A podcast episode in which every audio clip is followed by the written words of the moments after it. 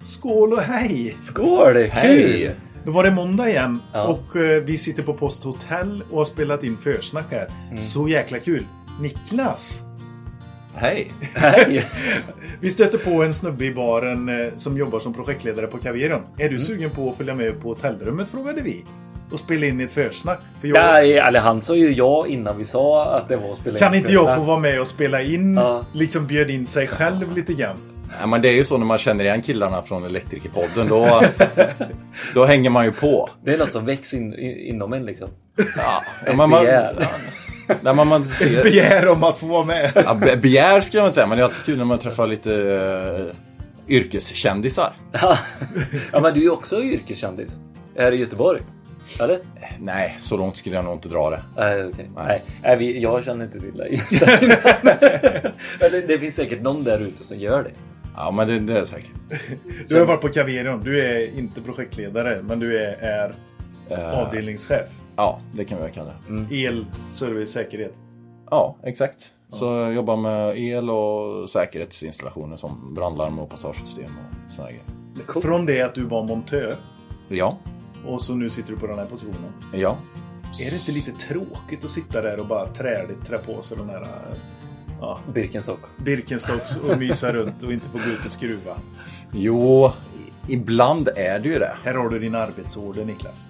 Sådär. Men eh, dagarna på ett kontor kan faktiskt vara ganska händelserika och intensiva. Så att det, rätt vad det är så är klockan eh, 19.30 och man tänker att ska man gå hem idag eller ska man stanna, stanna hela natten? Nej. Oj, oj, oj, nu, nu höjer du dig själv. Ja, ambitiös Ja, kille. så, men så, så är det va. Om man vill någonstans här i livet. Eller? Sådär. Men sen är det ju att det är kul också så att man gör ju mycket roliga saker på jobbet och då går ju eh, tiden fort. Ja, men bra kollegor kan jag tänka mig. Ja, Hur många är det på kontoret? Alltså inne på själva kontorsfolket så är vi väl eh, 15-20 stycken kanske. Oj. Så att det, ja, men det är trevligt. Hur är det att ha anställningsintervjuer? Är det många som förhöjer sin... Pratar upp sin förmåga som elektriker? Nej, det skulle jag nog inte säga. De flesta är väldigt ödmjuka tycker jag med, med sina kunskaper. Så att många skulle nog kunna vara ännu tydligare med vad man är bra på faktiskt. Vad söker du då i en i elektriker? I en montör? Nej, men, mycket handlar ju om att man ska vara intresserad av yrket. Och eh, ja, men med det kommer man ganska långt faktiskt. Och sen de, de här hygienfaktorerna, liksom att man kommer i tid till jobbet, man eh, rapporterar sin tid, man är bra på att kommunicera. Eh, Så håller man de hygienfaktorerna samt ett intresse för kanske teknik eller installationer så eh, skulle jag säga att då kommer man väldigt långt. Vad gör dig jävligt irriterad? Nej men det är väl när man inte gör det man ska eller det man har lovat. Ut, utan att återkoppla eller utan man bara liksom struntar i det eller skiter i det. Det är irriterande. Ja, det förstår jag. Det är ju alltså vart man än är i livet Ja. och vänder sig för att, ha vissa saker och så är det de som inte återkopplar. Alltså, jäklar. Och där bröts det. Och så kan det gå när man försöker spela in en podd på fyllan. Fast riktigt så fulla var vi inte. Jag hade tagit några bärs bara. Vi får tacka Niklas för att han ville ställa upp i alla fall. Det var synd inte fick höra resten. Vi kanske kan bjuda in honom igen. Så jag får köra detta själv. Det var Peter här då. Tack till våra grymma sponsorer. Har ni känt så här när ni står i ett skåp och så bara den gubben går till den gubben och den gubben går till den gubben och då så oh shit hur fan ska jag lämna efter mig detta? Jo, då finns det en sån superleverantör av skyltar. Skylt Direkt. Tack för att ni är med och samarbetar för att göra branschen lite roligare, lite bättre. Ni vet väl att ni kan beställa fram till klockan sex och få det dagen efter. Svinbra! Tack även till Schneider Electric som eh, ser till så att branschen håller sig uppdaterad om den absolut senaste tekniken och bästa kvaliteten på installationsprodukter. Väljer man att inte jobba med den bästa kvaliteten av installationsprodukter har man svårt att hålla sig effektiv. Det är i alla fall min uppfattning. Veckans avsnitt är skydd i anläggningar. Och det är inte min specialitet. Så jag väljer faktiskt att lämna över det helt och hållet till Billy och grabbarna. Och, och, och även Cecilia såklart i expertpanelen. Elma Instruments är med oss. Superduper! Tack för detta Elma Instruments. Ni gör ett kanonjobb och förser branschen med den absolut bästa mätutrustningen. Ha nu en grym vecka allihopa så hörs vi nästa gång och då får vi hålla oss extra nyktra jag och Billy. Take care! Hej!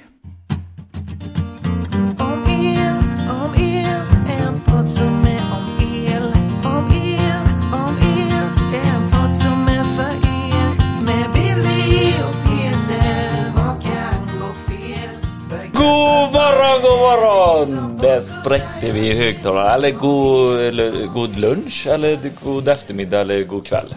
Det beror ju på när ni lyssnar. Men eh, vi har en god morgon här i Lysekil. Ännu en underbar dag framför oss med expertpanelen. Vad säger du Tim? Har du sovit gott i natt? Fruktansvärt bra. Fruktansvärt bra. Vart har vi sovit?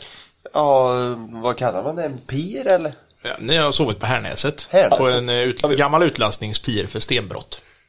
Då klipper vi bort det för det är ju ett uh, smultronställe nu då. Ja, just det. det får eh. Ja. Nej, vi, eh, vi kör ju en tvådagars här nu så vi har ju sovit över och, och kollat på fotbollen allt igår så vi hade ju jättetrevligt, eh, lite för trevligt om ni frågar mig idag. Är lite småseg. Men vi ska ju eh, gå igenom här nu. Skydd i elanläggning. Det sexigaste vi har. Det roligaste vi har nästan. Det är det vi, eh, utan att vi tänker på det så jobbar vi med det hela tiden, varje dag. Eller hur? Yes, Ja, absolut. absolut. absolut. Det är ju en hörnpelare i vårt bygge. Ja, precis. Nej men eh, Ingemar, kan inte du eh, börja gå igenom lite vad eh, de olika skydden vi har i anläggningen? Så eh, ett, lite begreppnivå det här. Skulle kunna titta på. Om vi tänker oss bara det här stödet som vi har i lågspänningsanläggningar. Det är våra elinstallationsregler. Och då kan man tänka sig liksom, vilken nivå skriver de för? Och då säger man faktiskt att vi ska kunna släppa in människor i anläggningen så, eh, i nivå med lekmän in i, i en industriell anläggning. Så där ska vi ha skyddsnivån. För vi vet i grunden att el är farligt. Eh, och då måste vi tänka i de termerna, hur ska vi göra då? Ska, ska vi förenkla det? Alltså lekmän i en, vad sa du, anläggning? På, Industriell anläggning. ja, och det är ju eh, alltså vanliga människor som vill använda elen. Vad- Lekmän är samma sak som en människa som inte har eh, någon direkt kunskap om el. Utan jag ska bara använda de produkterna som drivs av el. Det vill Typ säga vägguttag. och snickare. Eh, vem som helst. Eller Precis. Alla. herr, herr Nilsson. Eller? Alla som Precis. inte är elektriker, om man Ja. säger Ja. så. För, för. Vanliga människor. Precis, det är begreppet. Det är Dödliga. Vanliga, vanliga Ja, dödliga. Tyvärr så är vi dödliga också. För det Oh, finns ju ett nej. antal som går åt för, på grund av el. Eh, nej, så det, det, det är ganska bra att tänka i de termerna. Så att vi ska alltså kunna släppa in eh, människor som inte har elkunskap i grunden. Utan vi ska bara använda produkterna som drivs av el. Det kan vara maskiner, det kan vara vägguttag, det kan vara vad som helst. De ska alltså vara så säkra så att inte eh, man blir skadad. Och vad innebär det i praktiken? Ja, det är bara att tänka för början. El är farligt. Var finns den någonstans? Jo, den finns i eh, material som har lågt motstånd, det vill säga koppar, eh, aluminium och sånt. Och vad gör vi för att inte vi ska kunna beröra dem då? Jo, det är att sätta skydd runt omkring. Och det är ju det vi dagligdags kallar för isolation. Så det är en vanlig grundläggande tanke om att försök att sätta någonting som man inte kommer åt. Kommer vi på högspänningssidan så sätter vi dem långt upp i luften men ingen isolering runt och då har vi avstånd som skydd. Beröringsskydd och basskydd är alltså samma sak. Yes, det är bara det att vi har använt eh, beröringsskydd eh, i samband med eh, de äldre föreskrifterna och så. Det heter så förr och sen anpassar vi det till övriga Europa och nu heter det basskydd. Så det är alltså ett likamässtecken där. Det är alltså att försöka komma ifrån beröringen. Vad heter det på engelska Johan? Ja, frågar du helt fel person. Så där får du titta på någon annan.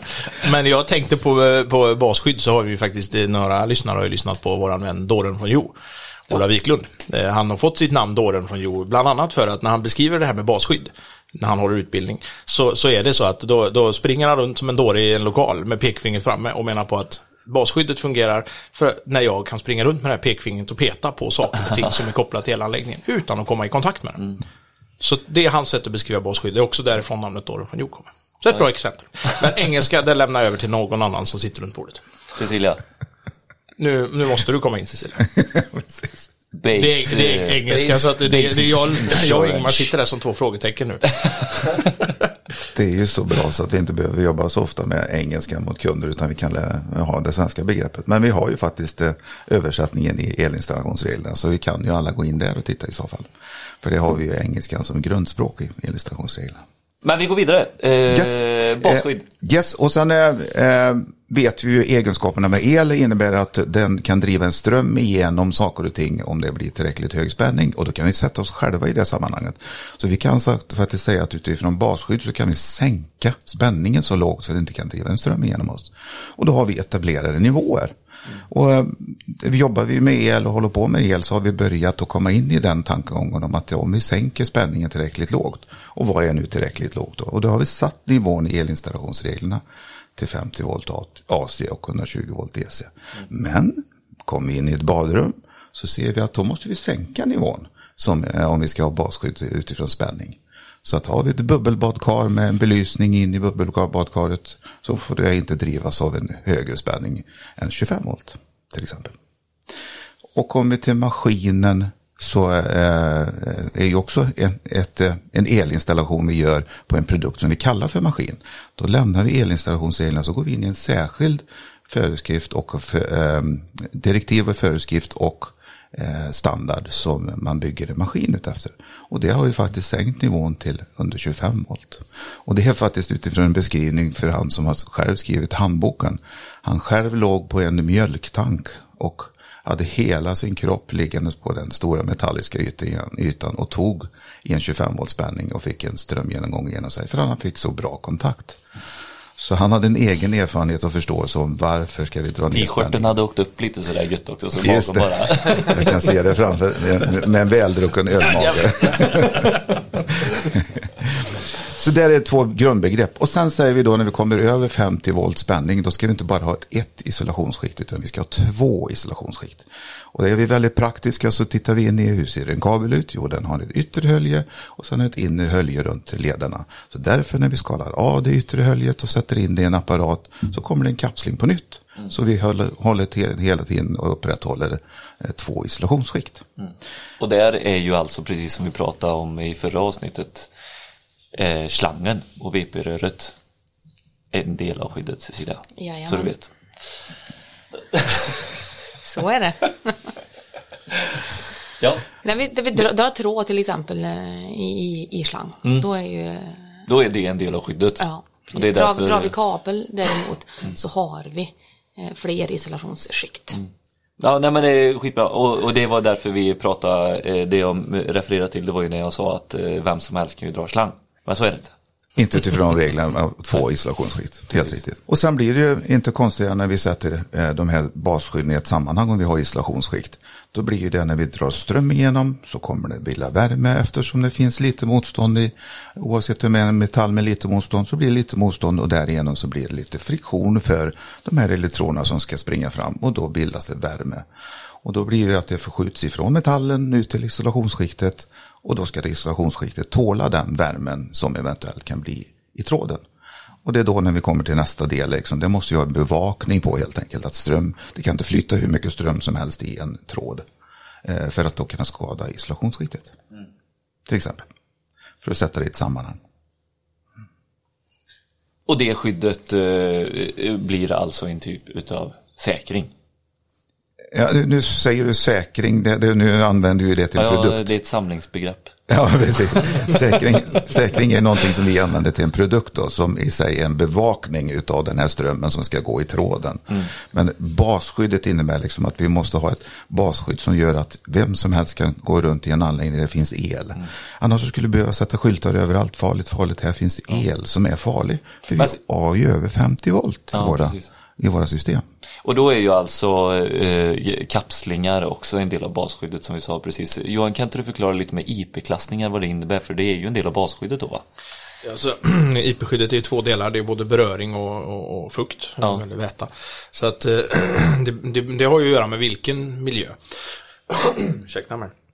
Om vi eh, börjar bara för att ta det enkelt, om vi nu pratar om att eh, vi ska ha ett beröringsskydd, så är ju den enklaste klassen, eh, om vi nu skulle ta IP-klass 1 för beröring, så är den inte beröringsskyddad, utan då måste vi upp i 2 och det är också därför vi har det när vi lyfter apparater, vi lyfter lock och sånt, då är det den här pekfingern eh, som gäller. Vi, vi måste ha minst IP2 utifrån beröringsskydd. Så att, sen beror det på var det sitter. Alltså på vissa ställen så kan det vara så att det finns klåfingriga barn eh, som gör att det ställer högre krav. Vi har väta som oftast är det som ställer krav. Eh, Varför vi känner igen att vi sätter uttag som har IP44 eller 56 eller vad det nu kan vara när vi börjar komma utomhus i andra miljöer och sånt där.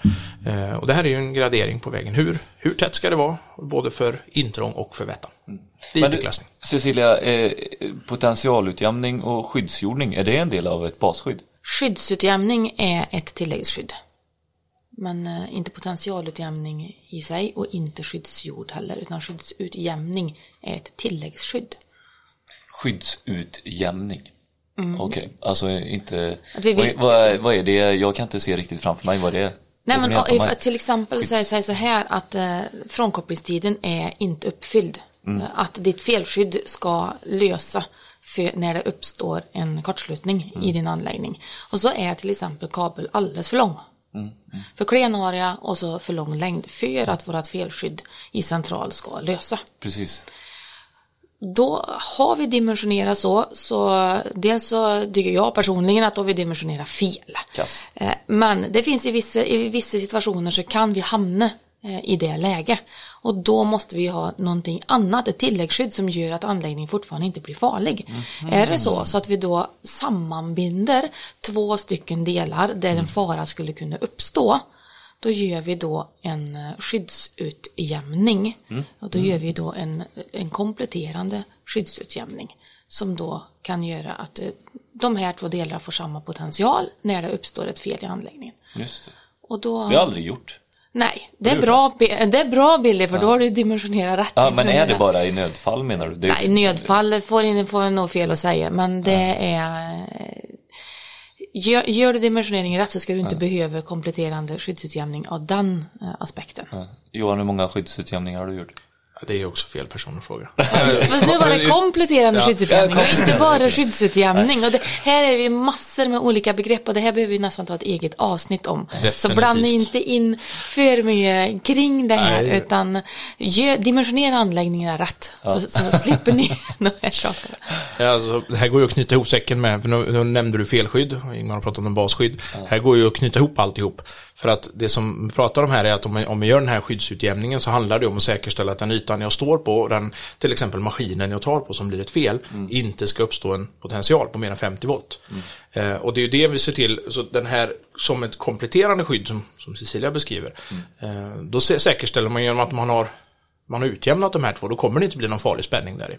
Eh, Men om det funkar som det ska, och vi inte behöver den, så är det ju att vi ska se till att det har brutit inom, innan spänningen når de här 50 volten, och då är det 0,4 sekunder. Och det är det som är felskyddet. Alltså en säkring exempelvis, i kombination med en skyddsjord. Ja, och där har vi 0,4 sekunder som du nämner och det är ju då för grupp, gruppledningar under vissa för, förhållanden. Då. Sen så kan vi ju även ha Fem upp till sekunder. fem sekunder. Det tycker jag låter så länge. Det låter inte okej. 0,4 sekunder menar du? Nej, fem sekunder på en huvudledning. Ja, men det är för att det ska hinna ta, ta eld. Det är svårt att en kabel ska kunna ta eld på byggnaden på fem sekunder. Då är det fem sekunder inte lång tid. Men det, det är många sammanhang så ja, det är långt och det är långt jämfört med många andra länder också. Men jag vill nog hävda att du har fel där, Tim, eh, praktikant. Du har använt skyddsutjämning. Tim Practicant. Har jag? Jajamän. I badrum. Ja, just För det har vi till och med som krav. Det är inte en, en liksom eh, komplettering utöver, utan det är en grundläggande installationsdel som vi har idag. Ett krav på i ett badrum. Och det vi ska ställa i det är återigen de grundläggande tankesätterna. Som Johan sa det här med fem sekunder och, och huvudledning. Hur kan vi tänka så? Jo, det är på grund av att det springer inte en massa människor och tar i den installationen som är på huvudledning. Så det, det är därför vi måste i elinstallationsbranschen tänka på det när vi står och fingrar i en central. Där har ni fem sekunder. Så i er arbetssituation så har ni en arbetssituation som innebär att ni har inte 0,4 sekunders utlösningstid. Utan det, i värsta fall så kan det vara fem sekunder. Så det är då, då jävligt liksom, länge för den som står i en elcentral. Yes, Det är för Yes. länge. Ja. Mm. yes. Och tar vi då if- ifall ni skulle förorsaka en kortslutning som blir en ljusbåge. Då kan vi prata Det är om fem mycket sekunder, händelser. väldigt lång tid. Yes, det är mycket händelseenergi som kommer ut där. Och det är Och jag- det som finns möjlighet att åskådla idag. idag. Ja, och i en vanlig elcentral så har vi heller ju inga ljusboksvakter som vi kan ha i en, eh, ett stallverk till exempel. Det som räddar Ola. Yes. Ja, eh, då, då eh, basskydd var vi färdiga med och då börjar vi nu ska vi ha någon sorts bevakning på det här då. Återigen, vi ska ha makten över anläggningen, det vill säga strömmen. Vi vill ha makten över vart strömmen ska gå och vilken storlek det ska vara kopplat till konstruktionen, kabeln. Och eh, det är då vi får titta på olika överströmmar som vi kallar för en rubrik då.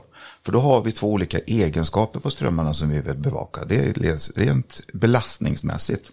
Vi vill eh, koppla eh, en konstruktion som ska tåla belastningen. Och det innebär att då får vi bevaka den strömnivån. Och det är det vi kallar för belastningsströmmen. Och sen kan vi ju då inträffa ett fel i sig. Eh, eh, och det genom det vi kallar- för kortslutning. Det vill säga kortslutning med lågt motstånd. Och då har vi, eh, om vi går tillbaka till elläran så fick vi lära oss det, liksom att det är lite motstånd och en hög spänning så blir det stor ström. Och den är inte på något sätt någonting som står och väntar i hallen direkt och kan komma lugnt in, utan den rusar. Och rusar en ström så det rusar värmen också. Och därigenom så kan vi få den egenskapen som innebär att det kan ta eld. Det värsta scenariot med en fel, felström det är ju att den kommer ut i den miljön där vi finns. Det vill säga via skyddsledaren. För skyddsledaren finns ju precis överallt runt omkring oss. I metalldelar och så vidare. Så skulle nu strömmen gå den vägen. Det innebär i praktiken, då kommer den höja potentialen på den tråden också. Och helt plötsligt så får vi en potentialskillnad gentemot den- backen vi står på och den elanläggningsdel som vi håller i. Och det är ju livsfarligt. När man tänker grundtanken, vem i hela hissingen kom på det här tankesättet? Men nu lever vi med det. det är ett, I ett system så är det ett bra tankesätt eh, och att bygga ett säkert system. Och då måste vi ta hand om den delen som nu kan inträffa i en kortslutning. Och det är då vi kommer in på den aspekten som kan göra att det räddar oss. Lös upp det här så fort som möjligt. Liksom så inte det kan driva en ström igenom oss när vi håller i, i den här produkten som är kopplad till skyddsledaren gent, gentemot moder jord som vi står på. Och då är det tidsaspekter. Och då är det säkring som vi kallar med ett allmänt begrepp då. Och säkring kan bestå av olika delar idag. När jag gick i kortbyxor, höll på att säga, och Jesus också, då, då hade vi bara smältsäkringen. Men sen kom en modern teknik och det kan jag säga som 60-årig gubbe då, att jag upplevt den resan. Då kom den delen in som vi kallar för dvärgbrytare. Som har en annan konstruktion gentemot en smältsäkring. Det var ju någon som tog in det här begreppet om att ja, men strömmen rusar, hög, hög eh, värme. Ja, men vi sätter det i ett sammanhang, vi sätter tunn tråd som brinner av snabbt. Enkel konstruktion, säker konstruktion. Vi, vi vet eh, att den förhoppningsvis kommer funka när vi behöver det. Vi kan inte testa den på förhand för att eh, då blir den norska varianten bra, den säkringen fungerar. Och så sätter vi in en ny. Men eh, det är det som är grundläggande förståelse sen när vi går in vidare i vad felskydd är och vad den reagerar på. Då måste vi veta att det är två olika konstruktioner. Smältsäkring gentemot en tvärbrytare. De här skydden kan man placera dem på samma ställe eller kan man... Hur, hur, var placerar man skyddet? Alltså det beror på vad du är ute efter. Om, om vi tar eh, dvärgbrytaren så är den har ju två olika, alltså den har ju delat på de funktionerna med, med kortslutning och överlast jämfört med en smältsäkring. Den har alltid samma funktion, den ska brinna av. Och desto högre strömmen är desto fortare går det. Där, I en dvärgbrytare så finns det ett, ett eh, magnetiskt skydd som, eh, som reagerar på kortslutning och som blir oerhört snabbt. Och det är för att skydda så att vi, vi klarar av en kortslutning, ett utlösningsvillkor. Och för om vi bara trippar det skyddet, alltså vi kommer över den nivån som gäller för just den dvärgbrytaren, så kommer det ske på 0,1 sekunder. Eh, tar vi, bara för att ta en väldigt enkel, vi tar en C10 som många känner igen, så är det som så att en C-säkring eh, behöver 10 gånger sin märkström för att lösa ut. Så att 100 ampere över en sån, då aktiverar man det kortslutningsskyddet. Sen finns det ett termiskt skydd i den också, som reagerar på överlast. Eh, och den, den har egentligen, den är väldigt lik karaktär med det som är en vanlig smältsäkring. Men det är två skilda saker och då kan det ta mycket mer tid. Den klarar en viss mängd överström under en viss tid. Eh, Så mm, svar på frågan var du placerar skydden, det beror på vad du är ute efter. Om vi, vad, vad tänker Ja, Spesa. ja, men det är till exempel som en motor, är det, kan man säga, det termiska skyddet, det är ett motorskydd. Mm, det är jättebra exempel. Om vi nu tänker så att du har ett motorskydd till en motor. För att om du har en motor som har märkström på, säg 4 ampere. Och du behöver ha en, en, en 10 ampere säkring för att klara av startströmmar och sånt. Men den 10 ampere säkringen kommer inte skydda den motorn. Och därför så sitter vi, har vi alltid ett motorskydd då. Mm. Eh, eller om det finns skydd i frekvenser eller vad det nu kan vara. Men vi tar motorskydd som den enkla. Eh, då håller ju motorskyddet koll på att i den här gruppledningen så kommer det inte kunna gå mer än 4 ampere. Så länge inte någon går in och gör någon fuling och kopplar in något mer på den här. Men det är ju så att så länge den är intakt och korrekt gjord så är det ju bara, det finns bara en väg strömmen kan gå. Och det är till den här motorn. Och eh, då agerar ju säkringen då, eller dvärgbrytaren, den ska ju bara fylla den andra funktionen, alltså kortslutning. Det är därför man till exempel ibland kan reagera på att är det inte feldimensionerat? Utifrån det här vi pratar om i kabeldimensionering, att det alltid ska vara så 1,5 och 10 hänger ihop, 2,5 och 16 hänger ihop. Ehm, Det faller ju där i. För att vi kan helt enkelt ha mycket högre avsäkring än vad vi är vana vid att se traditionellt. På grund av att det är bara kortslutning vi är ute efter. Ja, ja. Överlasten sköts av motorskyddet. Så det är vanliga frågor vi får att men herregud, det stod den var en 2,5 kvadrat avsäkrad 25 ampere. Jo, men det var bara för kortslutning. Och då kan det vara helt okej. Och där finns det ett maxvärde också då, än- ändå om man nu ska ut, se från kortslutning på kabeln bara. Eller kan jag skicka på 100 ampere på den eh, 2,5 kvadrataren men jag har Det, flyttat häng, överlasten? det hänger ihop med, alltså säger strömtålighet för kabeln styrs ju av överlastskyddet. Så i den parametern, så ja, då finns det ingen gräns. Nej. Men utlösningsvillkoret hänger ju med, hänger ihop med var är du i anläggningen. Kommer ihåg vad vi pratade om i kabeldimensionering? Alltså var placerar vi det här utifrån den förimpedans vi har? Det styr ju hur långt vi kan gå där. Så det, där finns ju en gräns, men den beror ju på var vi är. Sen kan vi inte säga fast var den är någonstans. Nej. Men kommer vi till kortslutning, för då har man ett nytt begrepp, så är det korttidsströmtålighet i kabeln som Ja. avgör. För det är det som blir begränsningen till hur stor kortslutningsskydd du kan sätta mot kabeln.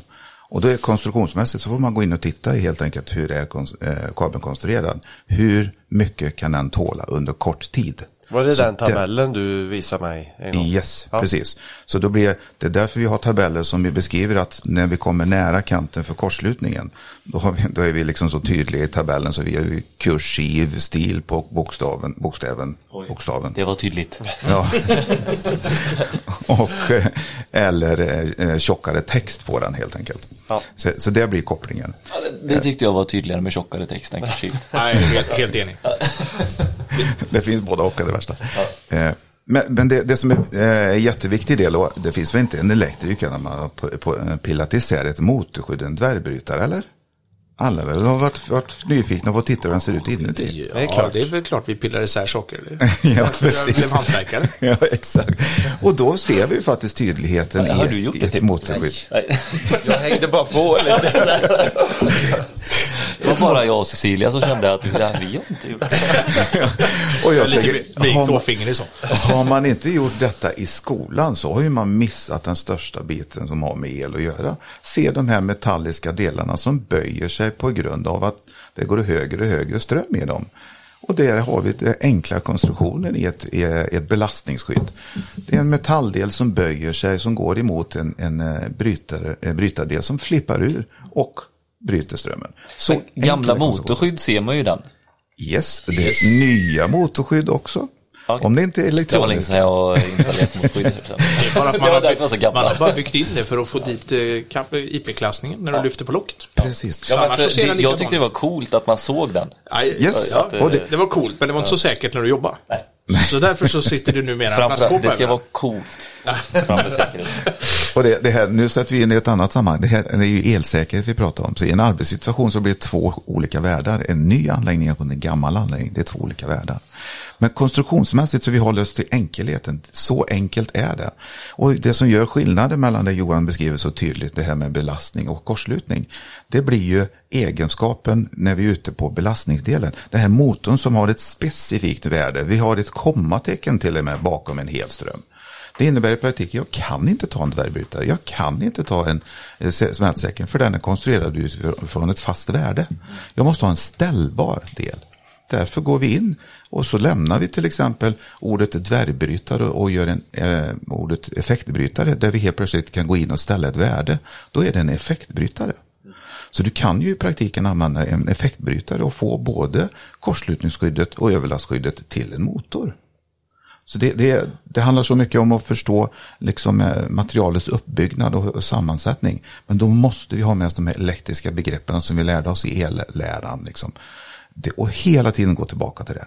Vi har, vi har ju till exempel det Tim eh, på eh, eh, elnätsägarens eh, säkring. När vi frågar eh, vad har ni säkrat eh, inkommande kabel med? Då, då, det får ju de knappt säga för de har ju alltid säkrat för eh, kortslutning. Hemlis ja. Ja, så eh, det är så här, hur mycket kan vi ta ut? Hur mycket har ni säkrat med? Nej, det får inte du veta. Eller liksom eh, för att man inte ska, ja, säger de att de har säkrat eh, 125 eh, på en 16 kvadrats, då, då vill de ju inte säga det till oss och vi bara, ja ah, men gött kan vi pumpa på mer här. Eller har ni varit med om det eller? När ni har pratat? För att man aldrig får reda på riktigt vad de, för de kör alltid på kortslutning. Nej, det kan jag inte säga, men däremot har man ju sett exempel när man undrar, oj, eh, hur, hur kan det där komma sig? Jag har varit med om en, ett fasadskåp som, ja, det hade gått så pass långt vid, vid egna, egengjorda säkringar, om vi säger så. Oj. Eh, Så att eh, skåpet hade brunnit upp. Så, så det var ett hål i luckan och det var en liten, en liten ram kvar av mätaren. Det var det som fanns. Och intakta säkringar. Eh, ja, full, full spänning på. Så, så, så det inkommande flänsen för matningen in på den här 10 kvadraten, eh, penledaren hade till och med brunnit av så jag såg inte att det var en skärm. Men det fanns tre faser med spänning på kvar upp i det här lilla skåpet som det inte var så mycket annat kvar av. Eh, men det beror också på att den var avsäkrad, ja, tresiffrigt med god marginal i andra änden. Och det tyckte man var helt okej. Det var inget Ja konstigt enligt vi, nätägaren. vi är ju det här motorskyddet som vi pratar om. Alltså elektrikerna, vi sätter ju, vi, vi säger ju vad vi ska sätta för säkring. Ja, vi, sitter du då en 25 ampere huvudsäkring där, då kommer du inte kunna gå mer än 25. Exakt. Så länge den stigan inte går till någon annan. Också. För det är ju en förutsättning vi pratade om förut, liksom att vi kan sätta överlastskyddet på ett annat ställe i en ledning. Det är att det är en ledning. Det får inte förgrenas. Nej. Det är ju den enkla tanken i konstruktion också. Har du en ledning till en produkt, då har du ju makten och synbarheten. Var kommer den här eh, strömmen att gå någonstans? Jo, det är via en ledning. Men jag tycker det är egentligen eh, mer ett annat exempel som belyser det här liksom när man inte kanske har konstruerat eh, helt rätt. Det är faktiskt våra belysningar ute i parker och städer och allt möjligt. Det finns i princip alla elavdelningar i en stad kan bevittna hur eh, det har brunnit upp ledningar i, i långa ljusslingor helt enkelt. Som är våra stolpar som är ute i allmänna eh, utrymmen och sånt. Är, när de har kommit och kabeln är borta. På grund av att man har alltså dratt alldeles för långa ledningar gentemot den säkringen som sitter i början där. För att vi, vi, får inte, vi har ju ingen eh, avsäkring av eh, produkten förrän vi kommer till själva stolpen. Så själva huvudledningen som ligger i backen där. Då, då har det alltså legat en konstant kortslutning eh, under ett tag. Och så Som inte ens kommer upp i den belastningen som säkringen skyddar ledningen för. Så där har man alltså helt förbisett eh, belastningskonstruktionen överhuvudtaget. Den har inte verkat i fem sekunder, den kan ha verkat i fem veckor. Yes. Och så kommer den brunnit bort i banken. Och då ska vi betänka, liksom, det är inte, då är inte isolationsskiktet borta, utan det är tråden är borta. Den har alltså lösts upp av den värmen som blir där. Som vi säger att, ja men vi har satt ett skydd för den här konstruktionen. Okej, var då? Skyddet för den allmänheten, det är ju att det ligger i backen. Det värsta scenariot som kan bli, det är ju att den här kortslutningen går ut mot det höljet som en stolpe eh, oftast är i metall. Ni kan tänka er själva som ni kanske alla har gjort en gång i tiden. Stått med tungan mot en kall stolpe då, och så testa att det kommer upp tungan fastna eller inte. Alla. Nej, jag har inte gjort det. Jag säger inget. Gul snö däremot. Nej, det- Jag har faktiskt, jag har hört, jag kommer inte ihåg vem som berättade det här, men jag har hört ett exempel som, eh, som någon beskrev, jag vet inte, det är kanske du Ingmar som har berättat en gång, om ett markskåp en kab- och en eh, stolpbelysning bredvid, vid en busshållplats. Nej, eh, skolbarn som, satt som stod och väntade på bussen. Eh, och det visade sig att de, de, det satt, de satt alltid på markskåpet som var. Och det var ju inte liksom lätt att ta sig upp och det var ju så pass högt så att det var ju lite klättra. Eh, och det var föräldrar som reagerade på varför varför sitter de där? Det, var inte, det är inte bekvämt alltså, istället för att stå. Och så höll de i lyktstolpen. De hade ju tävling om som kunde hålla längst. Nej. För det visar ju sig att det var en, Wow. det, det, det, där gick ju en ström igenom. Så att det var ju utmaningen där. Och det här har pågått länge när de upptäckte det. Äh, fy fasen. Eh, Det är lite men- som att pissa på kosnäcksel. Ja, det var, eh, ja, så att det, Det när- har jag aldrig gjort. nej, vi, Så vi långt, vi så långt har inte den svenska gymnastiken kommit än. Eh, Det är ju en fråga som vi, vi ofta pratar om i, i fikarummet och som, jag, som kommer upp det här med trefasgrupper och enpoliga eller trepoliga säkringar. Typ pentry, fönsterbänkskanaler, belysning. Eh, hur tänker vi där? Finns det något vi kan luta oss mot i någon av våra böcker? Alltså, vi får ju börja prata ellära. Alltså, det är ju trefassystemet först och främst. Det är ju, eh, där, kan vi ju, en symmetrisk last och, och belastningen i nollan. Eh, finns säkert de som lyssnar som har varit på en utbildning med mig och som, som skrattar lite gott för att jag har haft någon, eh, någon eh, lite halvsnuskig variant att berätta där, men som vi inte tar här, men de kanske kommer ihåg. Nej, men, men kort och gott som handlar om vad som händer med belastningen om, om, om vi har tre faser som har en förskjutning 120 grader eh, så, så kan vi ganska enkelt beskriva det att om vi slår ner en pinne i backen i, i mitten och sätter tre rep i den och börjar dra i tre riktningar och alla drar lika hårt med 120 graders förskjutning då kommer den här stolpen faktiskt inte att belastas utan den kommer stå still. Eh, skulle du då kapa av stolpen jäms med marken så kommer fortfarande den punkten att vara kvar där tills dess att någon flyttar sig i sidled, alltså någon fasförskjutning, eller att någon börjar dra hårdare eller släpper efter, det här med flytande nolla. Så det gör ju att har vi perfekt symmetri och, ska vi lägga till, linjära laster, så kommer den här nollpunkten inte att belastas alls. Och det är det man bygger på när vi blandar det här med, med, med enfaslaster på, i en trefasgruppledning det som, som man säger, det som jag vill verkligen vill slå en, liksom en, en, en varning på, det är ju det här med att vi, vi har inte så mycket linjära laster kvar. Alltså en linjär last är någonting som drar ström under hela sinusvågen.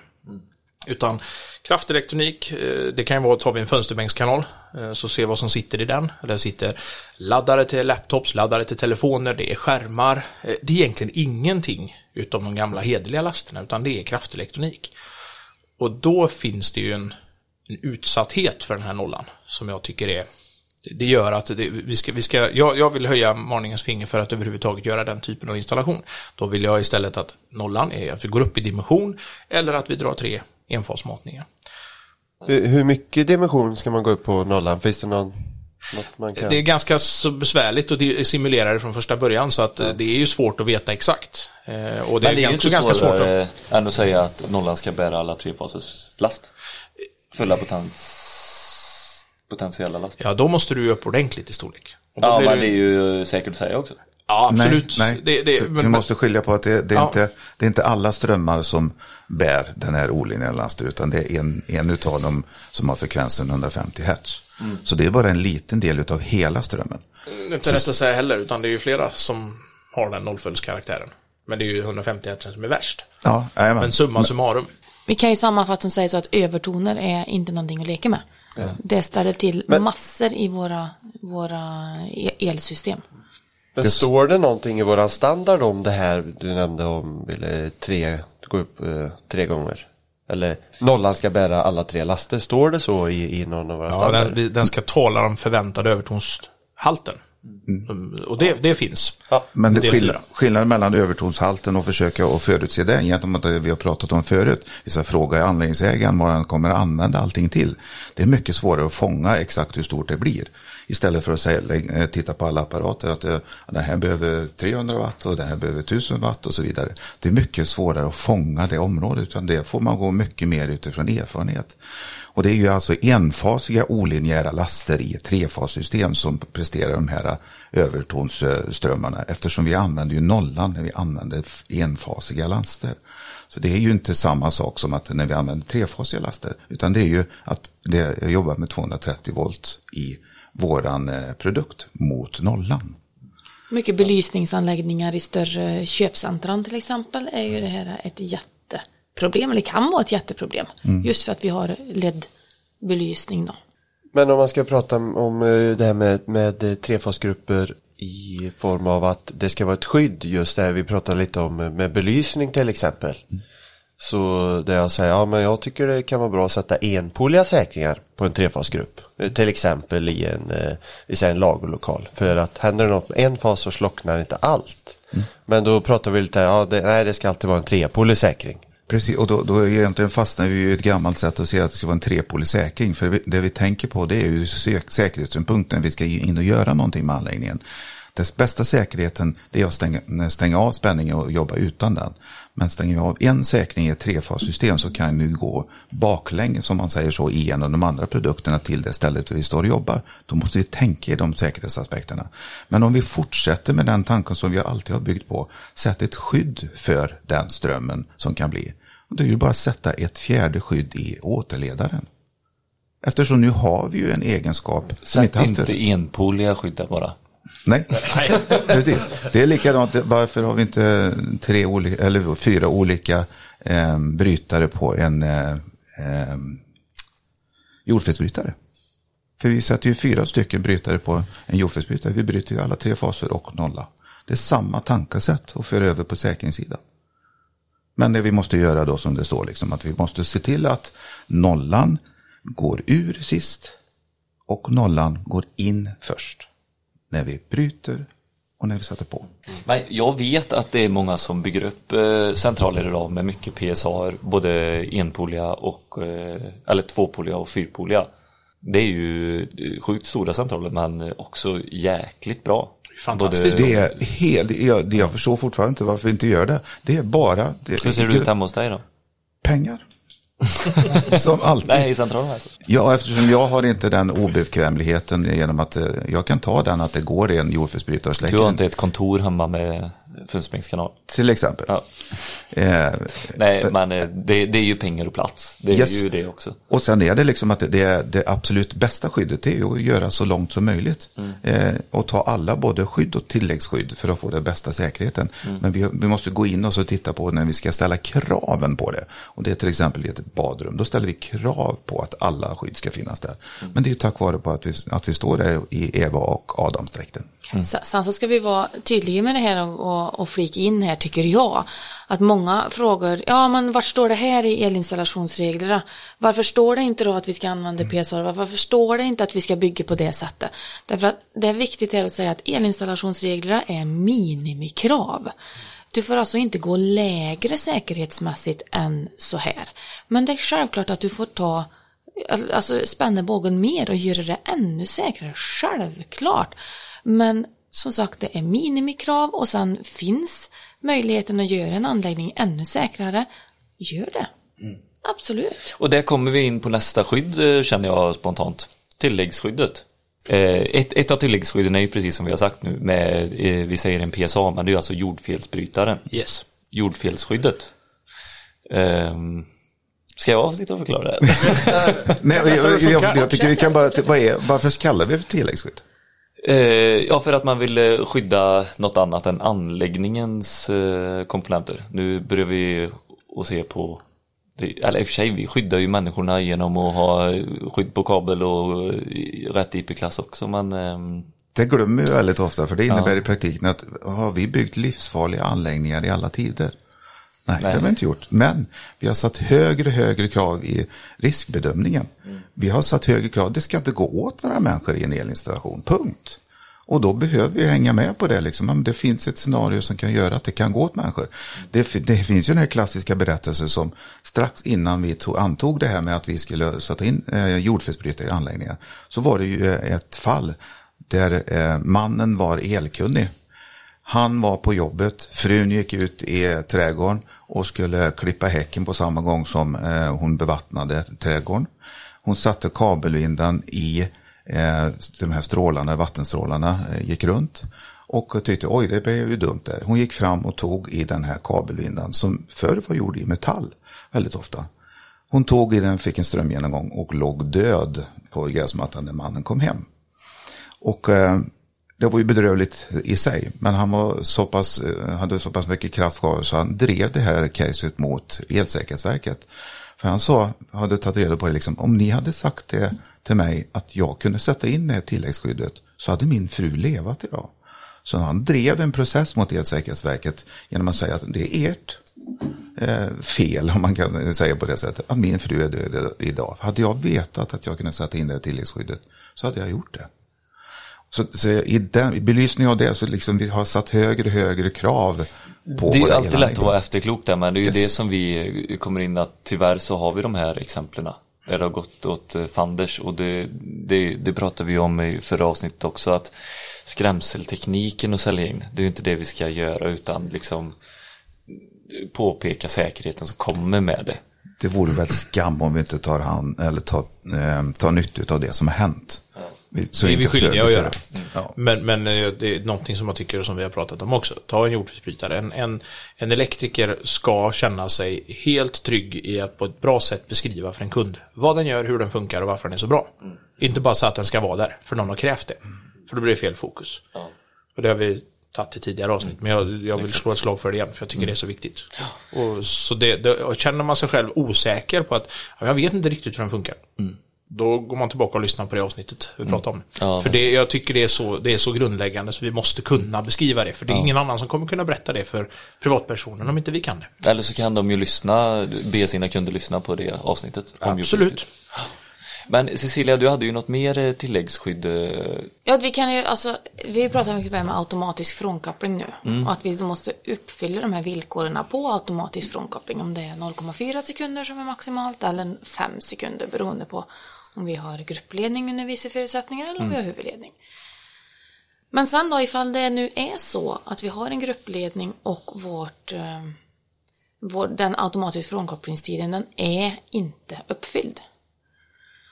Då, på, på ett vis, vi har ju dimensionerat fel. I, i, i, I min mening så har vi ju gjort, gjort en misslyckad dimensionering. Men när vi har befintliga anläggningar där det här kan uppstå. Och då, vi får ju fortfarande inte göra anläggningen osäker. Vi måste ju bygga på att en säker anläggning och, och som Ingmar och Johan har varit inne på här, våra maximala 50 till volt, att det måste ju då kunna bryta innan spänningen har stigit till 50 volt. Men i det här fallet så har vi ju inte det. Utan eh, vårat felskydd kommer inte att lösa. Då måste vi vidta någonting mer. Och det är då till exempel det här med kompletterande skyddsutjämning.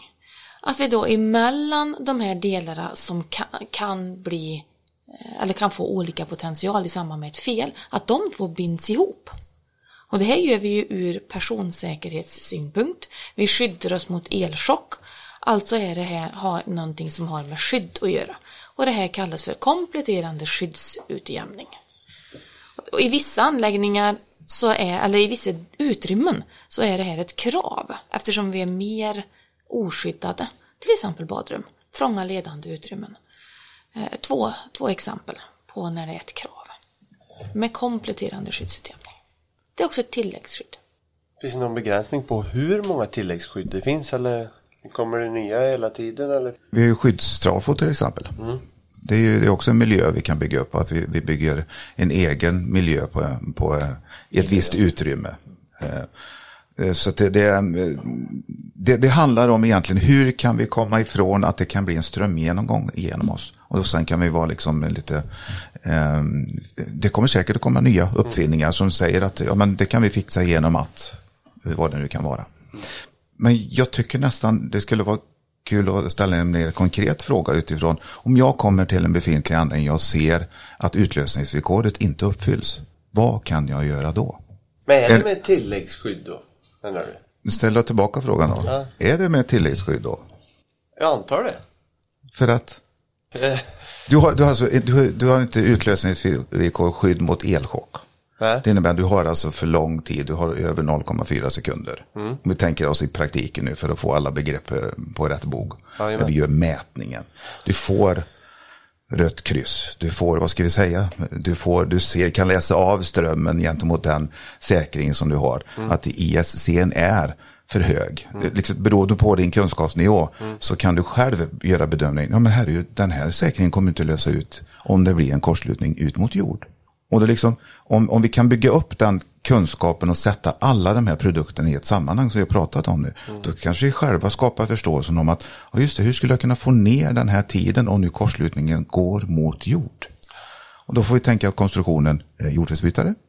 Då vet vi att så fort det läcker ur systemet så kommer den att lösa ut. Ja, precis. Och då får vi tänka oss bildmässigt framför oss. Liksom. Hur ser system ut? Jo, alla normalt spänningsförande och strömförande ledare ligger i faser och nolla. Jorden är bredvid. Ja, då kan jag se att nu kommer nu strömmen gå ut mot jord. Och det är inte tillräckligt mycket med ström för säkerningen lösa. Men nu kan jag tänka då? Jo, jordfelsbrytaren den, den reagerar ju redan vid 30 milliampere. Så då helt plötsligt när vi sätter in det i den kretsen, samma krets som inte var utlösningsvillkoret för, uppfyllt för, på förut, då får vi tillbaka personskyddet. Precis lika mycket som Cecilia beskriver att om det nu går ut mot jord, då sätter vi en potentialutjämning som vi kallar för skyddsutjämning.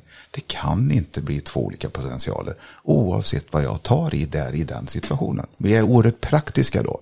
Så ser ju jag framför mig att det är mycket svårare att lösa en konstruktion med att bygga skyddsutjämning. För var ska jag stoppa eller stanna i skyddsutjämningstanken? Var kommer den här strömmen att kunna gå mot jord? Då blir det att man kan begränsa det genom att vi begränsar själva gruppledningen med att det finns en kabel ut som går till vissa ställen genom att sätta jordfelsbrytare på den gruppledningen. För då får vi tillbaka personskyddet. Ja, och det, det, det fungerar ju i, i många, många, många anläggningar att installera en jordfelsbrytare, men sen så har vi anläggningar där det inte fungerar. Och det är till exempel industrier. Och har vi då en motor som är avsäkrad 32 ampere som då, då, då ska ha en frånkopplingstid på 0,4 sekunder, men det kommer vi inte att uppfylla. Då behöver vi ha kompletterande skyddsutjämning runt den motorn. Så alltså i, i, i många applikationer, jordfelsbrytare, absolut, men inom industrin så, så är inte det alltid tillämpbart he, helt enkelt. Jag kort komma tillbaka till frågan hur många det finns, så är det ju så. Det är de här två vi pratar om. Ja, Som är beskrivna. Ja. Sen så kan ju de ha många varianter.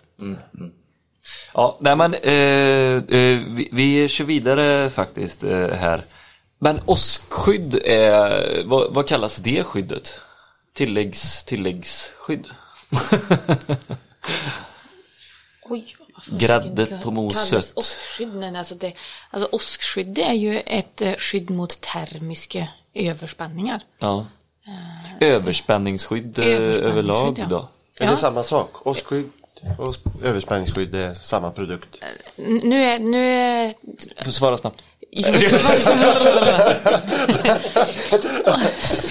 Åskskydd är tinnar och torn på taket. Ja. Alltså uppfångare, nedledare, det vi har på utsidan. Överspänningsskydd är det som vi då har i, i mät, fasadmätarskapet till att börja med kanske. Och sen eh, om vi då har i central och kan vi ha och överspänningsskydd eller så kan vi dessutom då ha eh, skydd i närheten av eh, en eh, känslig elektronisk utrustning. Våran tv till exempel. Och då sitter det i vägguttaget. Men är det, eh, det, är ju, det är ju ett typ av skydd. Absolut. Men eh, vad, vad ligger det? Det är inte i basskydd, säkringsskydd eller tilläggsskydd utan det är Vilken kategori? Ja, liksom, men det- Ja, men det är spänning. Det är spänning. Vi, vi kan, vi kan vi ta liksom, det är spänning vi är ute efter. Jo, jo, Ja, men är det det är ett det- det är felskydd det är eller ett tilläggsskydd? Alltså, Det är väl inget grundläggande skydd. Det, det är väl så man får beskriva det. alltså, Det, det, det, där kraven finns för det så, så är det ett, eh, okej, ett skydd. Det, är liksom, det, det finns ju särskilda byggnader och, och så som säger att vi ska ha ett överskott, lantbruk till exempel. det, där, som det, där som det är krav på överspänningsskydd så är det ju ett felskydd. Ja, okej. Så att, eh, Och i kategorin Nej, felskydd nej är det kan vi inte säga. För du kan ha ett överspänningsskydd så patron går sönder och den, det, det är inget, du har inte mindre skydd för anläggningen då. Du har, du har mindre skydd för produ- produkterna. Du, du har ju patroner till Du- exempel. De, de, om inte du byter dem så kan du inte säga att du har en farlig anläggning. Vi, nej, det, det kan, vi kan inte för ta brand. Ja, men då, då liksom, vad, om vi inte byter de här patronerna då? Ja, då har du ju en, en farligare anläggning för, ur brandsynpunkt. Ja, men det är en farligare anläggning, inte utifrån personskydd. Nej, men brand. Ja, Men bra. men det är, det är ju inte felskydd eftersom vi har, vi har ju inte... Det här, är inte ju, så här är det ju, även expertpanelen diskuterar ju saker. Det är härligt. Du menar att vi inte alltid är överens? Jag har, inte, varit- jag har inte varit med om någon gång. Precis. Jag lutar mig tillbaka. Men jag tycker det är lite intressant just för det här med överspänningsskydd att vi, vi monterar det. Sen kan ju det faktiskt eh, lösa ut eller gå sönder av en överspänning. Men sen så funkar ju anläggningen ändå. Eh, och det, det kan ju pågå hur många då har en löpande översyn över de här. För då måste man egentligen kolla hela tiden för man vet ju inte när det har varit en överspänning. Om man inte använder den här potentialfria kontakten som finns. Ja, det, det, det är olika typer hur överspänningsskyddet är uppbyggt. Ja, ja. Ja, Om det larmar eller inte, eller om det flaggar eller inte. Och så vidare. Och det kan du inte göra annat än att gå in i tillverkarens anvisningar och se hur ska jag kunna göra för att avgöra om mitt överspänningsskydd fortfarande är fungerande eller inte. Sen så är ju det här krav i vissa anläggningar och eh, i vissa anläggningar är det inte e- ett krav. Men det är, vi inne, det är återigen på att elinstallationsregler säger minimikrav. Ja, och det finns ju även där det inte finns något krav utan att eh, man vill ha en trygghet. Alltså där Ja, man ja vet absolut. att Du får allt som en, person, en villa till exempel. Eh, Där, där eh, ska det göras en riskbedömning då, enligt Mm. elinstallationsreglerna. Behöver vi ett överspänningsskydd här eller inte? Mm. Den, sen så har du lantbruk eh, eller större eh, anläggningar, köpcentrum, industrier, Mm. sjukhus och så vidare där det istället är ett krav. Mm.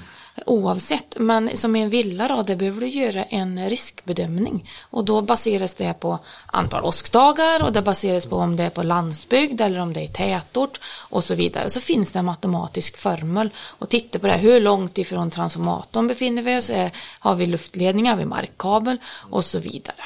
Ska man göra den bedömningen varje gång man gör en villa?